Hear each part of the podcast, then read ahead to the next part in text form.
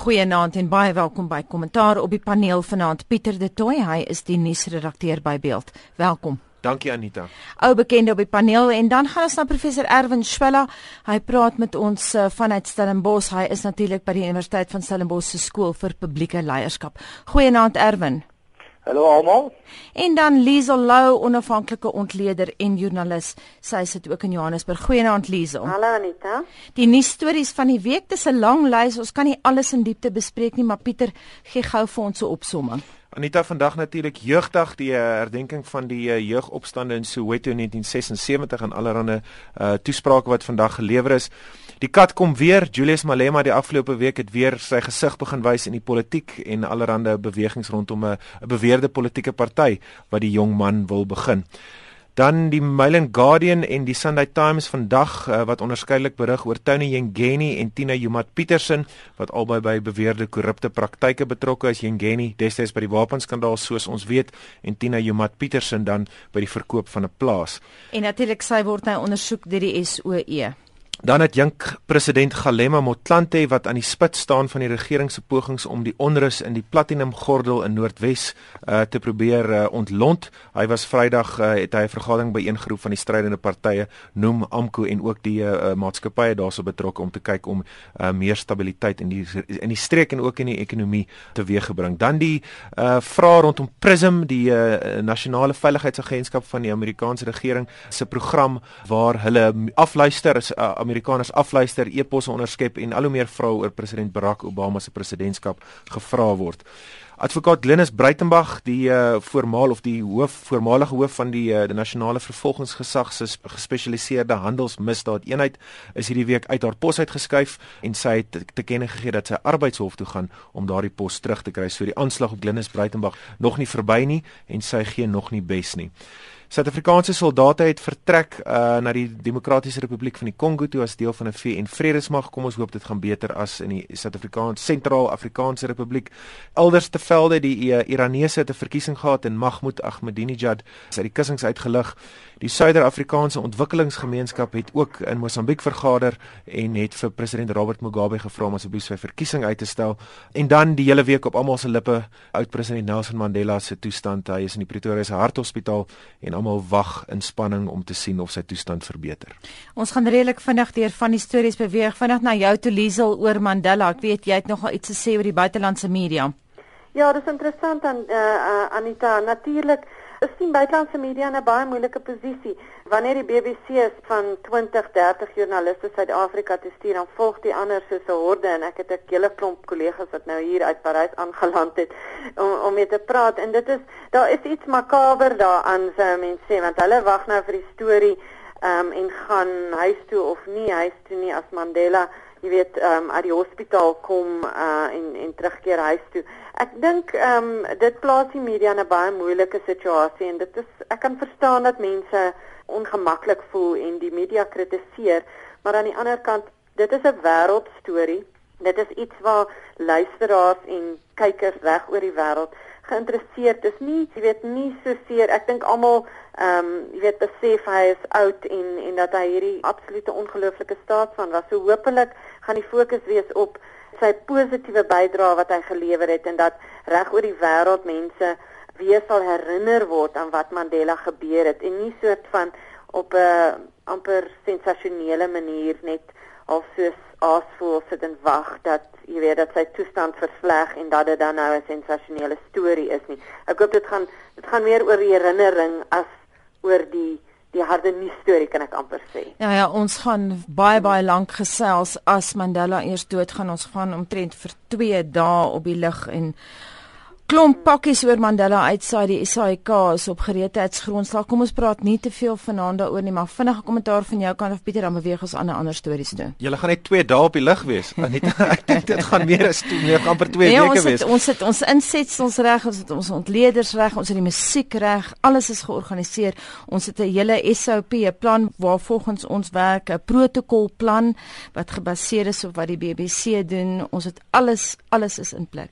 Baie moeilike storie om te doen en Baie en, moeilik, en ja. soos julle het, het elke uh, nuusorganisasie het sy planne in plek, maar totdat dit gebeur is dit is dit is is is is dit eintlik 'n 'n 'n raai speletjie, jy weet, 'n um, 'n belangrike storie om te dek, jy moet daarso wees, maar met die beperkte hulpbronne wat die media vandag het, jy weet, ander nuus wat mense ook wil weet, moet mense baie fyn balans hou tussen Mandela Watch as ek dit so kan noem en die wêreld soos dit aangaan.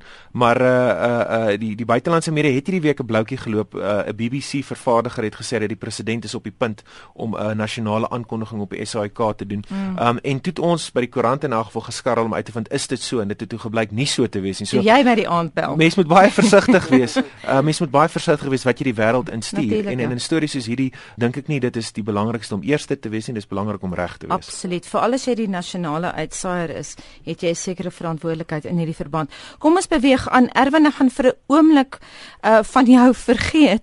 Ek wil Ja, net vinnig praat met Pieter want Pieter, ek weet jy voel dat die Motlanthe storie baie belangrik is in die myne. Ons het dit redelik deurgetrap op kommentaar in die verlede al, maar uh, daar is natuurlik 'n nuwe nuushoek daar op Vrydag. Ja, adjunk president Motlanthe is natuurlik afgevaardig deur die president om uh, te kyk wat se berusting hy in die mynbedryf kan bring en hy het Vrydag by die presidensiële gastehuis in Pretoria het hy uh, samesprekings gehou met afgevaardigdes van die National Union of Mine Workers en dan die nuwe die new kid on the block AMKU wat besig is om uh, noem se ledetaals uh, op te vreet in in die platinum gordel. Die belangrikheid van die vergadering is dat uiteindelik lyk dit asof daar iets fisies gedoen word. Dit's amper 2 weke sedert uh, president Zuma se dramatiese of uh, rampspoedige toespraak waarin hy probeer het om markte te kalmeer en die rand toe dramaties geval het. Hy het ook die aankondiging of die minister van arbeid eerder het 'n aankondiging gedoen oor vredesmagte wat hulle by die myne wou instuur. Daar het niks van gekom nie. Inteendeel, al ons pogings om uit te vind wat se magte gestuur gaan word, hoe dit gaan gebeur,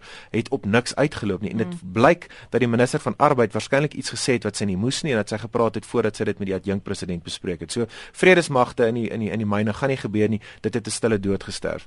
Maar buitelandse ontleeders is nog steeds nie oortuig dat ons regering daadwerklike stappe neem om uh, dinge te kalmeer in die platinum gordel nie. En dan die uh, gevolge vir die ekonomie weier is dat dit lyk asof daar nie leierskap is nie. Mm. Ons praat al hoeveel keer het ons al nie op hierdie program gepraat Absoluut. oor 'n gebrek van leierskap van bo af nie. Uiteindelik lyk dit asof Motlanthe iets doen. Hy is die sigbare hy is die gesig daarvan, maar die vraag kan natuurlik gevra word, hoekom Motlanthe? Hy het nie 'n amptelike posisie in die regering of in die in die in die ANC nie. Hy's uh, uitgeskop as die adjunk president. Ja. Um, hy skynbaar nie meer in uh, president Zuma se goeie boekies nie, maar hy word afgevaardig om waarskynlik die grootste bemiddeling in Suid-Afrikaanse Suid-Afrika se onlangse geskiedenis te behartig. Kom ons vra daai vraag aan ons politieke ontleder. Hoekom Motlanthe, Erwin? Wel natuurlik is dit sodat die ander mense wat 'n moontlike rol sou kon speel en ek behoort te speel die president uh het self 'n hele aantal uh, belange konflikte potensieel. Ons weet dat uh um van sy familie en uh, tot 'n mate waarskynlik hy self belange het in in van die myn mynbedrywighede uit die aard van die saak ook 'n 'n sterk komponent van konflik tussen die twee mededingende vakbonde waar uh, daar natuurlik die nasionale unie van mynwerkers is wat 'n uh, sterk koppeling het met COSATU en die ANC. Ehm um, meneer Montlantle in in hierdie sin mag eintlik 'n bietjie meer neutraal wees. Uh, die ander opsies sou moontlik kon gewees het natuurlik uh, meneer Cyril Ramaphosa wat nou 'n klomp interessante posisies het, maar weer eens ehm um, uit 'n belangehoek geredeneer is dit moeilik want uh, hy is natuurlik ook 'n uh, uh, groot aandeelhouer in in in myne 'n voormalige nasionale unie van mynwerkers president en op die wyse dis ook nie heeltemal geskik om 'n objektiewe of dan nou 'n belangevrye rol te kan speel nie. So uh, die vraag is dan wie bly oor? Moontlik is dit ook so tot sy voordeel dat meneer Montlanti gesien word as een van die kalmer beredeneerde diplomatisiese mense in die regering ehm um, wat uh, op een of ander wyse darm so 'n analise kan maak en dalk 'n rustigheid in die hele proses kan inbring. Maar uiteindelik kan 'n mens seker maar sê dit uh, meneer Montlanti word gebruik omdat niemand anders regtig beskikbaar is om gebruik te word nie, wat maar 'n aanduiding gee van die verweefdheid van belange en belangekonflikte binne die regering en dit dink ek is een van die dilemma's wat die heeltyd uitspeel binne ons regering en politieke stelsel. Mens kan natuurlik baie meer sinies wees en sê dat 'n uh, uh, Galema Motlanthe is die enigste ou in die uitvoerende leierskap van die regering wat bietjie geloofwaardigheid nog het.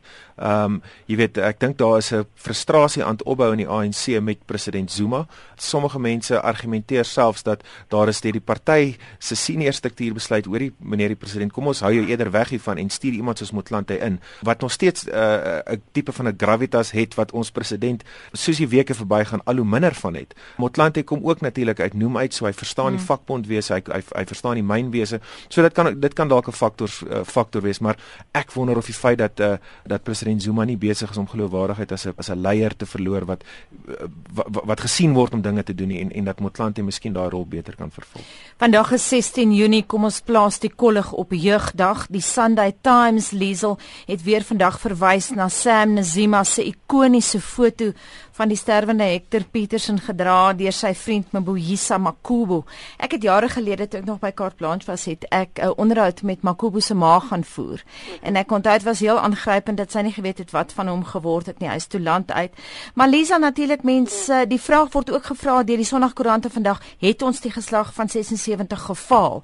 Nou ons weet dat Mampela Rampele klaar dat uh, township onderwys is nou erger as gedurende apartheid, maar hoe sou jy so 'n vraag beantwoord, Liesel? Ja, net ek moet sê as mens kyk na die Sondagkoerante vandag, is dit maar 'n bleek prentjie. Mondli Makandla van die ehm um, Sunday Times skryf juis oor jong mense wat absoluut sonder enige toekoms is, 'n uh, jong meisie wat verkragt is en dan weer teruggaan na haar verkragter.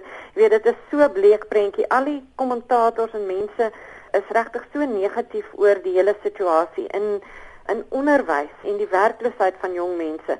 Meer as 50% van ons werklooses in Suid-Afrika is onder die ouderdom van 25. Ek dink ons het die nuwe generasie gefaal. Ek dink ons kan nie toekies omdraai nie. Hoewel jong mense is nog steeds optimisties oor die toekoms. Ons moet ook eerlik wees dat uh, as ons nou Suid-Afrika in 2013 vergelyk met 1976 is daar natuurlik dis 'n beter plek om in te lewe, dis 'n beter plek vir ons kinders. Daar is nie daai vrees van een of ander ontploffing wat gaan kom aan die einde van apartheid nie. Ons is ons is daarby verby. Dit is uit 'n simboliese oogpunt beter as 1967, maar op 'n praktiese vlak, ehm um, jy weet kry kry jong mense en kinders in Suid-Afrika vandag 'n beter onderwys en is daar meer 'n uh, 'n uh, 'n uh, toekomsverwagting in terme van werksgeleenthede. Hmm. Ek dink nie so nie en dit blyk so uit al die kommentaar wat 'n mens nou deur die bank vandag uh, hoor en lees natuurlik soos Pieter vroeër gesê het, en die politieke leiers gaan nou in by allerlei vergaderings en jy weet voor skare staan en en sê hoe wonderlik is die stelsel en die nalatenskap van 1967 uh as 'n uh, uh, jy weet 76 maar ehm um, maar ek dink dit is 'n dis 'n valse boodskap daai ons kan ongelukkig ons moet ongelukkig realisties wees hieroor.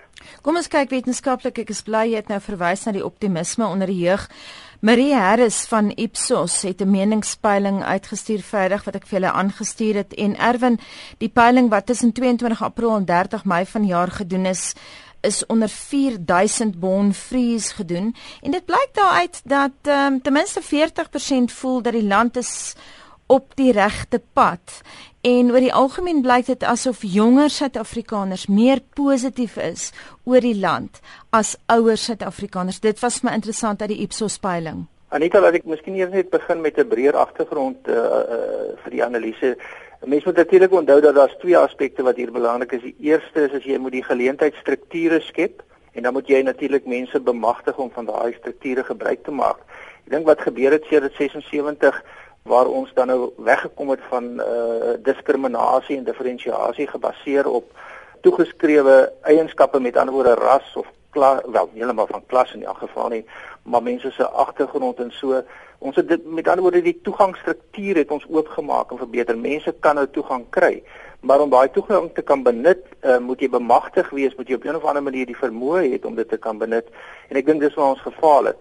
So ons het definitief die geleenthede geskep maar ons het nie die geleenthede gebruik om die mense te skep sodat hulle weer die geleenthede kan gebruik nie. Nou wat die statistiek betref, moet mense natuurlik sê as 40% van die mense aandui dat hulle optimisties is of op een of ander wyse voel dat daar 'n uh, toekoms is, dan beteken dit natuurlik 60% van die mense het uh, dit nie gesien nie. En as 'n mens sê dat ouer mense uh, minder optimisties is as die jonger mense, beteken dit natuurlik ook dat die jonger mense noodwendig nie noodwendig almal optimisties is nie. Wat ons dus kan sê is is dat 'n mens moet versigtig gaan kyk wat hier gebeur ten opsigte van hierdie stelle belangegroepe. Dit is natuurlik ook sodat uh, die die die die groot skaalse jeugwerkloosheid word nog verder verreken en as 'n mens dit gaan afbreek die statistiek dan sal 'n mens sien dat dit so is dat nog steeds is 'n swart jeugdiges veel meer getref deur die nadele van die samelewing as die as byvoorbeeld wit jeugdiges. So dit, dit daar is ook nog 'n vorm van van diferensiasie daar. Nou is daar 'n hele aantal pogings om hierdie goed te verbeter. Ons sien uh, deurlopend pogings om op opvoedkundige instellings te verbeter, skole te verbeter, nasionale jeugontwikkelingsagentskappe. Al hierdie aspekte kom terug na 'n uh, analitiese gedeelte waar mense moet sê die instellings van die samelewing moet werk. Ons hmm. moet sorg dat die regering goed is. Ons moet sorg dat die skole werk. Ons moet sorg dat die nasionale jeugagentskap ernstig is in wat hulle doen. Dan begin jy die geleenthede skep. Ehm um, en jy vir mense om die geleenthede te kan gebruik. En totdat dit gebeur, dink ek het 'n mens nog steeds 'n probleem. So jy begin begin maar weer of jy gaan weer terug na goeie regering en goeie instellings om uiteindelik al hierdie dinge te probeer hanteer. In opvoeding is dit egter sodat jy dit jy het 'n tydsleer faktor, nê? Jy begin nou en oor 18 jaar, as ons nou al die skole en opvoedkundige instellings regkry, hmm. Dan is ons oor 18 jaar gereed om 'n groep mense te kry wat uh wat behoorlik kan deelneem en die geleenthede kan gebruik. En ons het ongelukkig nou al ongeveer 18 of 19 jaar gemors. Mm, mm. So dit is ons dilemma. Kom ons gaan gou na Pieter toe en dan beweeg ons aan na Malema. Waar Malema sal baie goed hier aansluit, maar Jeugdag vandag, jy weet soos dit vandag gevier word en ek praat net van vandag, jy weet jeugdag, elke dag moet eintlik jeugdag wees en Erwin het nou goed gedoen om die agtergrond te skets oor die probleme wat daar is. Liggame soos die eh, jeugontwikkelingsagentskap wat maar net 'n party 'n uh, 'n uh, uh, uh, liggaam geword het vir sekere party apparatchiks om ryk te word. Mm. Uh, jy weet ons het probleme in die onderwys, maar 'n dag soos vandag is 'n enorme mors van geld. Daar word toesprake gehou in stadions. Die verkiesing het al begin. Jy weet so mense moet nie veel in vandag inlees nie. Jy weet die die DA's vandag in Polokwane, die president is in KwaZulu-Natal dink ek. Jy weet dit is dit dit dit dis 'n platform vir politiekery. Maar wat die, die een syfer wat Liesel genoem het wat die seker die belangrikste in die hele gesprek is, is dat die grootste gros werklooses is onder die ouderdom van 25 in hierdie land. 25 35 daai kohort. En dit is 'n probleem want dit is dit is mense wat na 76 gebore is, baie van hulle na 94 gebore is toenemend en hulle kry nie werk nie, hulle kry nie geleenthede nie, hulle, hulle raak gefrustreerd. Wat gebeur dan? Hulle raak oop vir uh gedagtes en hulle raak oop vir uh, opswepende retoriek soos die van meneer Julius Malema oor wie ons nou kan gesels. Mense lag vir Julius. Hy uh hy is sit in Polokwane, hy word ondersoek deur die uh, inkomste diens. Daar's waarskynlik kriminele klagtes wat teen hom gelê gaan word. Maar die taal wat hy praat vind nog steeds aanklank by sekere mense en dit vind aanklank by jong werklooses mense wat gefrustreerd is mense wat geen hoop op die toekoms het nie en dit is waar die gevaar lê nou Julius sal waarskynlik jy weet ek sou skat 'n uh, beste scenario vir hom is dat hy 'n streeksgebonde party in Limpopo gaan wees mm. dat hy 'n bietjie van 'n 'n 'n standplaas daar sal kry nie werklik enige hoop op nasionale sukses nie sou ek dink maar dan weer het ons in 2005 vir Jacob Zuma afgeskryf en gesê jy weet hy's in die middel van 'n verkrachtingsskandaal. Uh, hy is hy's hy's geïmpliseer in die uh, Shabir Sheikh saak. Jy weet dis verby met hom en kyk hy's president vandag. verkeerd. maar afgesny van die ANC se suurstof baie groot probleem. Liesel? Ja Pieter het nou 'n interessante punt gemaak oor uh, Malema wat baie steun het onder die werklooses. Hy praat natuurlik ook van hom en sy uh, sy kollegas as ekonomiese vryheidsvegters, maar vir my interessant, 'n hele ruk gelede het 'n kollega van my na die Universiteit van Johannesburg toe gaan na 'n toespraak wat Malema daar gehou het en sy het agterna vir my gesê is ongelooflik hoeveel steun hy onder studente het. So, uh, miskien moet mense hom nie te vinnig afskryf nie. Ja, ek dink hy is 'n gewilde spreker. Ek bedoel dit hy sou nie so ver gekom het met die agtergrond wat hy het as hy nie 'n 'n soort van 'n charismatiese figuur was wat in elk geval skare mense kan opsoek. Nie of hulle nou vir hom gaan stem of die studente nou vir hom gaan stem of nie, is 'n ander vraag, maar ek ek stem heeltemal met Pieter saam. Interessant uh, Anita, hierdie week het Pieter Dirk Eis in die Star en dalk in ander koerante ook um, geskryf uh, in 'n brief hoe bly hy is dat Malema nou hierdie nuwe party gestig het want ons moet na hom luister. Pieter Dirk Eis het dit al verlede in in van sy toesprake ook gesê, maar glad die tong in die kies nie en hy is waarskynlik reg ehm um, dat daar moet so 'n stem wees dat 'n mens ehm um, moet luister na wat Malema sê, hoewel mense hom Uh, hy is gediskrediteer. Die ANC het hom verwerp. Hy gaan waarskynlik, oh, jy weet, sukkel om die geld bymekaar te kry selfs om 'n politieke veldtog te hê. Uh, en indien hy die geld bymekaar kry, gaan almal wonder waar dit vandaan kom en die, die media gaan natuurlik, uh, jy weet, ons sal moet ons sal moet gaan soek wie nou vir Malema weer eens finansiëel ondersteun want dis 'n groot kwessie, maar ek dink dit is 'n goeie ding vir die demokrasie. Ek dink in die tyd waar ons nou lewe met hierdie groot werklose jeug in Suid-Afrika, moet daar stemme wees. Dit is so 'n demokrasie werk. As Malema dalk self net hy uh, alleen uh, in die parlement, jy weet 'n setel kry wat nou natuurlik nie gegeewe is nie, maar selfs dan as as hy daai as hy daai stem kan wees, ek dink nie ek dink nie dit kan soveel skade doen nie. Want as dit nie hy is nie, gaan dit enigiemand anders gaan dit iemand anders wees. Ek dink ons het dit al vroeër op hierdie program gesê. Mm. Ek wil vinnig uh, die fokus op iets anders plaas Erwan. Ek wil net jy met kommentaar daarop lewer. Die Sunday Independent het die fokus geplaas op Castle Matali en Fikile Mbalula, albei vriende natuurlik van Malema en hulle het hulle self albei gedistansieer van hierdie party en daar's onder meer gesê uit 'n gebrek aan politieke volwassenheid. Dit kan nie werk nie. Kommentaar daarop. Anita mens moet miskien eers net sê dat meneer Malema is, is natuurlik 'n vers, verskynsel ook in die politiek wat 'n mens moet na kyk. En soos ons nou al gesê het, daar is 'n probleem in die sin dat daar is geweldige jeugwerkloosheid, daar strukturele probleme in die samelewing. Uh, iemand moet hierdie stem verteenwoordig en uh, meneer Malema het dit binne die ANC gedoen vir 'n klomp ander redes het hy in probleme beland binne die ANC en is hy uiteindelik nou buite in die koue en dit is werklik baie koud daar buite wat dit moeilik maak om iewers te kom as jy nie daai ehm um, kindesheid binne die binne die warmte van die party het nie. Maar daar's natuurlik vir hierdie goed oorsake en gevolge. Dit is sodat meneer Malema se ruimte word geskep en veroorsaak deur die feit dat daar hierdie statistiek is wat sê dat 51% van die jeug is werkloos. Mm. Tweedens dat daar binne die ANC 'n hele aantal kwessies is. Ons sien dat eh uh, meneer Malema dus ehm um, van hierdie kwessies eh uh, uiteindelik artikuleer en daar rondom mense mobiliseer. Daar is binne die ANC eintlik 'n voortdurende afskilfering. Ons kan gaan kyk na die ander politieke partye, Cope, Agang, eh, 'n uh, hele aantal ander wat ook geskep is en dit lyk my mense moet nou kyk na die gevolge hiervan. Die gevolge is, is dat die ANC verseker in die volgende verkiesings 'n klomp ander uit interessante uitdagings gaan hê en wat hulle nou gaan probeer natuurlik teengaan deur vandag se retoriese toesprake. Erwin vinnige vraag vir jou want ons moet aanbeweeg na ander stories ook. Floyd Chewambo sê daar's geweldig baie mense wat nie gaan stem nie maar hulle is geregistreer. Toe ek hierdie week 'n bietjie met Dirk Kotse gepraat oor die laaste stempersentasie 2009. Daar was 77,3% insluitend bedorwe stemme en hy sê toe hy skryf vir my Malema kan dalk die 6 miljoen ongeregistreerde kiesers probeer mobiliseer. Ek weet nou dat Floyd hulle praat van so net oor die 5 miljoen, maar andersins is daar nie baie ruimte nie want die stempersentasie was redelik hoog geweest. Stem jy saam met Dirk? Ja, as jy nou die 5 of 6 miljoen uh maak in die saak, hoeveel nie uh, ongeregistreerde kiesers wil mobiliseer, kan jy hulle mobiliseer, hulle kan net nie stem nie, nee, want hulle is nie geregistreer nie. So jy moet hulle eers mobiliseer om te registreer. Hmm. Daar is 'n bepaalde belangeloosheid. Dit is ook sodat jy kan op 'n aktivistiese manier met 'n klomp garasma en retorika 'n klompie studente dalk beïndruk, maar uh, as daar 'n klomp mense is in die in die jeuggeleerdere wat op hierdie stadium doodgewoon ehm um, onentoesiasties is, dan kry hulle nie eens om te registreer nie.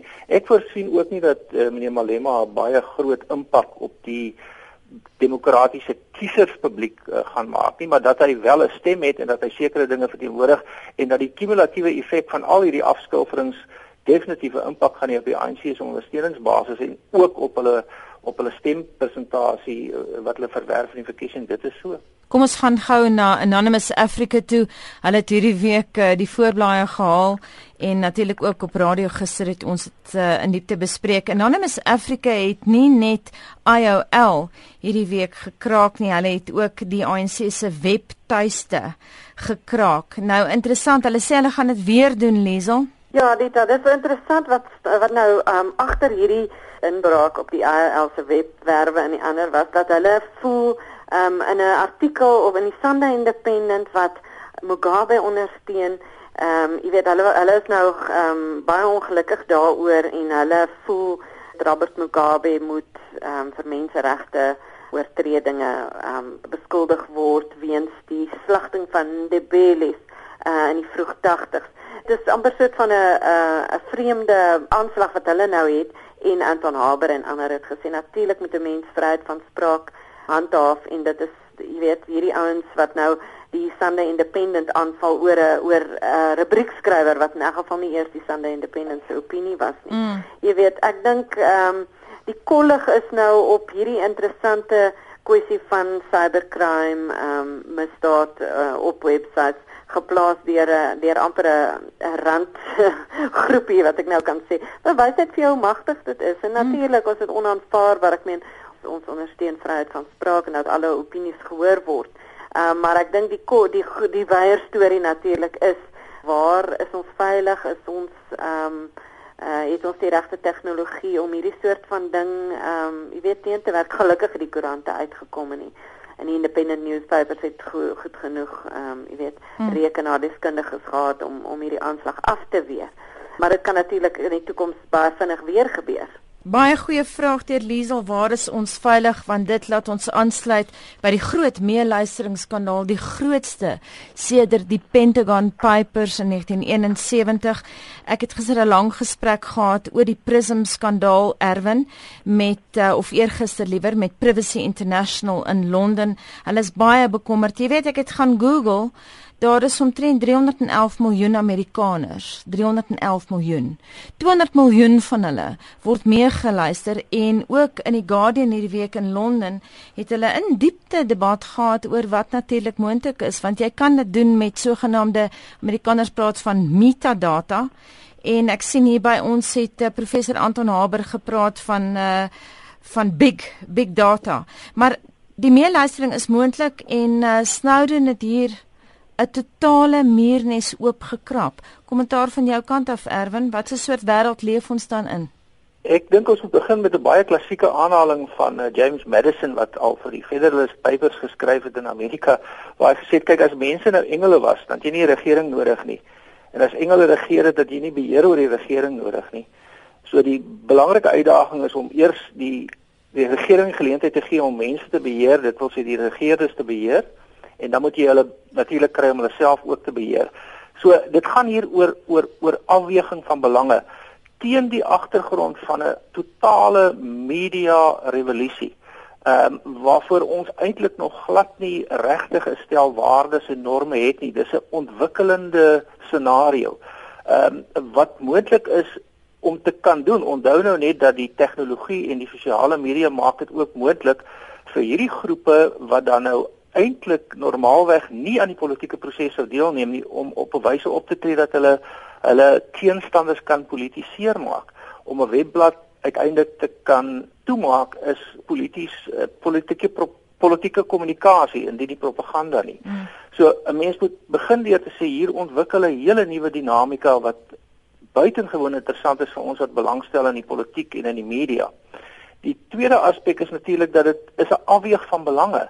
Mense kan nou sê ja, jy het 'n totale reg op privaatheid, maar die implikasie is jy mag vind dat uh, dit uiteindelik daartoe lei dat uh forme van van terreur vanuit verskillende ideologiese perspektiewe toeneem. So ehm um, jy moet gaan vra jouself die vraag afvra, wil jy totale privaatheid hê en dalk geen beskerming nie of wil jy totale beskerming hê en dalk geen privaatheid hê? En iewers tussenin lê die realiteit, 'n realiteit wat dan nou ook nog verder uh interessant word en kompleks word as gevolg van die vermoë met nuwe media en tegnologie om bepaalde dinge te kan doen. So wat dit betref dink ek moet ons vir onsself sê hier is nie 'n antwoord nog nie. Dis 'n deurlopende debat en ek dink elke mens moet vir hulself afvra. Interessant genoeg, daar's 'n ander dimensie hier wat ingekom het in die media waar gesê is dat president Obama het tot nou toe gesê hy die mees deursigtige regering ooit gevestig in Amerika. Hmm. In hierdie geval vind jy nou dat eh uh, dat daar baie duidelik is dat wanneer jy 'n uh, fluitjieblaser kry, dat daar 'n reaksie is om te sê maar dit kan ons nie doen nie. So daar's 'n klomp dimensies hier. Ek dink dis 'n deurlopende debat en die antwoorde sal mettertyd duidelik raak en ek dink hier is 'n groot klomp geleentheid vir gesprek, navorsing en uiteindelik die media en die akademie en die politici om met mekaar uh, in 'n soort of tot 'n soort vergelyk of ten minste tot 'n soort opkomende konsensus te probeer ontwikkel. Kom ons kyk na die saak vanuit 'n praktiese vlak. Ons het almal die soek engines nodig. Ons het almal slimfone. Jy kan eenvoudig nie vandag definitief nie as 'n joernalis funksioneer as jy nie al hierdie goed het nie. Lees al die vraag wat Mail and Guardian gevra het, watter impak gaan hierdie onthullings hê op maatskappye soos Google, Apple, Facebook, Microsoft, YouTube, Skype? Uh, Privacy International het vir my eergister alternatiewe gegee vir Google en Skype en of, liewer Google en en Yahoo en so aan. Maar nou professor Victor Meyer Schoenberger van Oxford Universiteit. Hy uh, is nou van hulle internet instituut. Hy sê dit gaan baie ernstige implikasies hê vir die kollektiewe reputasies van internetmaatskappye. Maar nou ja, my kollegas verskil en sê maar jy weet dis nie asof ons gaan ophou Skype nie, ons gaan nie ophou Google nie. Ja, dit is die ding Anita. Ek dink Owen het 'n baie belangrike ding gesê van die afweeg van belange.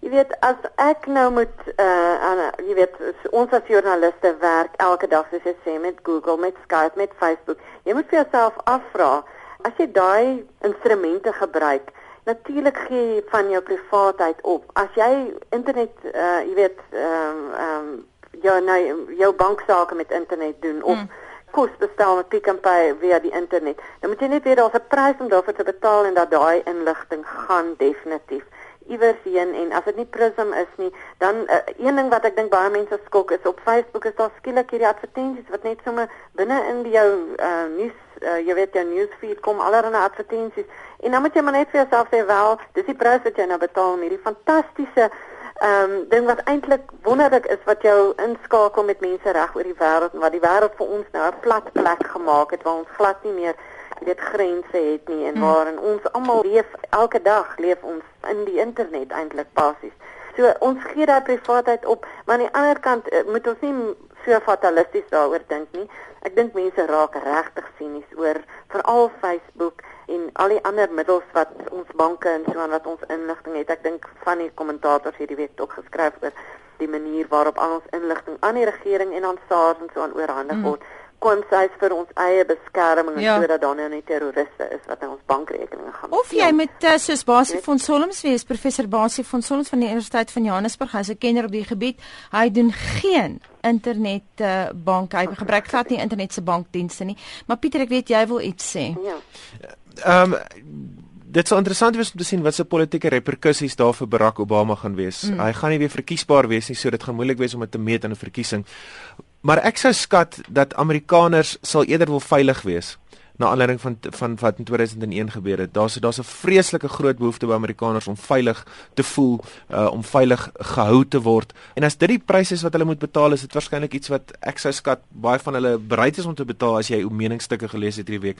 As jy konservatiewe kommentators dopgehou het, is hulle vol lof vir president Obama se se program. Hoe voel jy? As Suid-Afrikaner want ons word ook dopgehou. Wel, uh as mense daar op die Delmaspad uitry en jy sien die nasionale intelligensie se afluistersentrum so grys, groot grys bruin gebou, dan kan mense maar net wonder wat hulle alles jy luister. Jy weet wat dit is, Pieter. jy weet so die volgende keer as jy jou foon optel en jy hoor 'n klik of 2 of 3, dan moet mense mooi dink wat jy sê. Maar jy weet uh as as as jy niks het om uh, om weg te steek nie en niks verkeerd doen nie, dan jy seker nie 'n uh, rede om kommer te wees. Maar dit is juist die hele punt ek wil vinnig net nog iets ja. sê. Privacy International wat in 1990 20 gestig is. Hulle is baie bekommerd. Hulle sê daar's toenemend in Europa, veral in Duitsland, 'n beweging teen hierdie soort van meeluistering want dit is nie altyd teen mense wat by terreur betrokke is of wat by misdaad betrokke is nie. En die VN het voor die Snowden skandaal gebreek, die Prism skandaal, het hulle hulle kommer uitgespreek oor die effek wat dit op mense kan hê. Ek meen, ek het al met Ampikutse gepraat, ek het met al met uh, Andre P Brink gepraat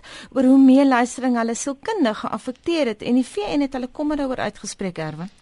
Anita net vinnig, ek wil net sê mense kan natuurlik jouself vrywaar teen HIV, vigs, teen allerlei siektes, teen enige vorm van uh um inluistering, uh, privaatheidskending, jy jouself totaal te isoleer, miskien in 'n straight jacket en 'n in 'n soft padded cell, nee. Ehm um, maar op 'n of ander manier lewe ons in 'n wêreld waar jy met sekere goed moet omgaan. Ehm um, natuurlik is daar groot kommer oor die manier waarop hierdie mense die privaat inligting gebruik en uit die aard van die saak is ons almal se privaatheid te sprake. Die afweeg van belange is egter ook wel so. Mense moet ook gaan kyk hoe werk intelligensieagentskappe. Uh, uit die aard van die saak uh, is die kans relatief klein dat hulle 'n onbekende spoorwegwerker iewers in die platteland gaan probeer afluister. Mm. Miskien is die kans groter dat vir, dat hulle vir my en vir julle wat op 'n manier seker gesien word as meningsvormers iewers kan uh, wil weet wat ons sieninge is. Wel ek weet uh, een ding Erwin, ek weet een van ons kollegas wat 'n politieke ontleder is, word definitief meegeluister. Hy nou het ja, vir my gesê. Die meeste van ons aanvaar want ek weet ons is op radio, ons uh, hmm. almal kan kan hoor wat ons sê. Punt is so so op op 'n of ander wyse moet 'n mens met hierdie goed kan saamlewe. Ons is in 'n samelewing van mense en ek weet daar groot bekommernis oor oor, oor privaatheid maar jy, jy moet ook gaan kyk daarna dat daar is 'n staat, daar's owerhede nodig. Ons gee aan hulle bepaalde mandate om ons te beskerm ook. So dit is die balans wat ons op een of ander manier moet Miskien moet jy soos my pa wees op die platteland woon, geen selfoon hê nie en hy het 2 jaar gelede e-pos ontdek wat hy dink is absoluut wonderlik. Ja. Maar ons moet vir hom mooi wys hoe dit werk. Maar in elk geval op daardie noot moet ons vanaand groet. Laaste woord het gegaan aan professor Erwin Schwelle. Hy is van die Universiteit van Stellenbosch se skool vir publieke leierskap. Baie dankie Erwin. Dankie almal. En baie dankie vir jou insette Pieter De Tooy. Hy is natuurlik die redakteur by Beeld. Nuusredakteur. Nuusredakteur moet ek sê ja. Plesier Anita. En dankie aan Liesel Lou, onafhanklike ontleder en joernalis. Dankie vir jou insette Liesel. Plesier Anita, naand aan die luisteraar.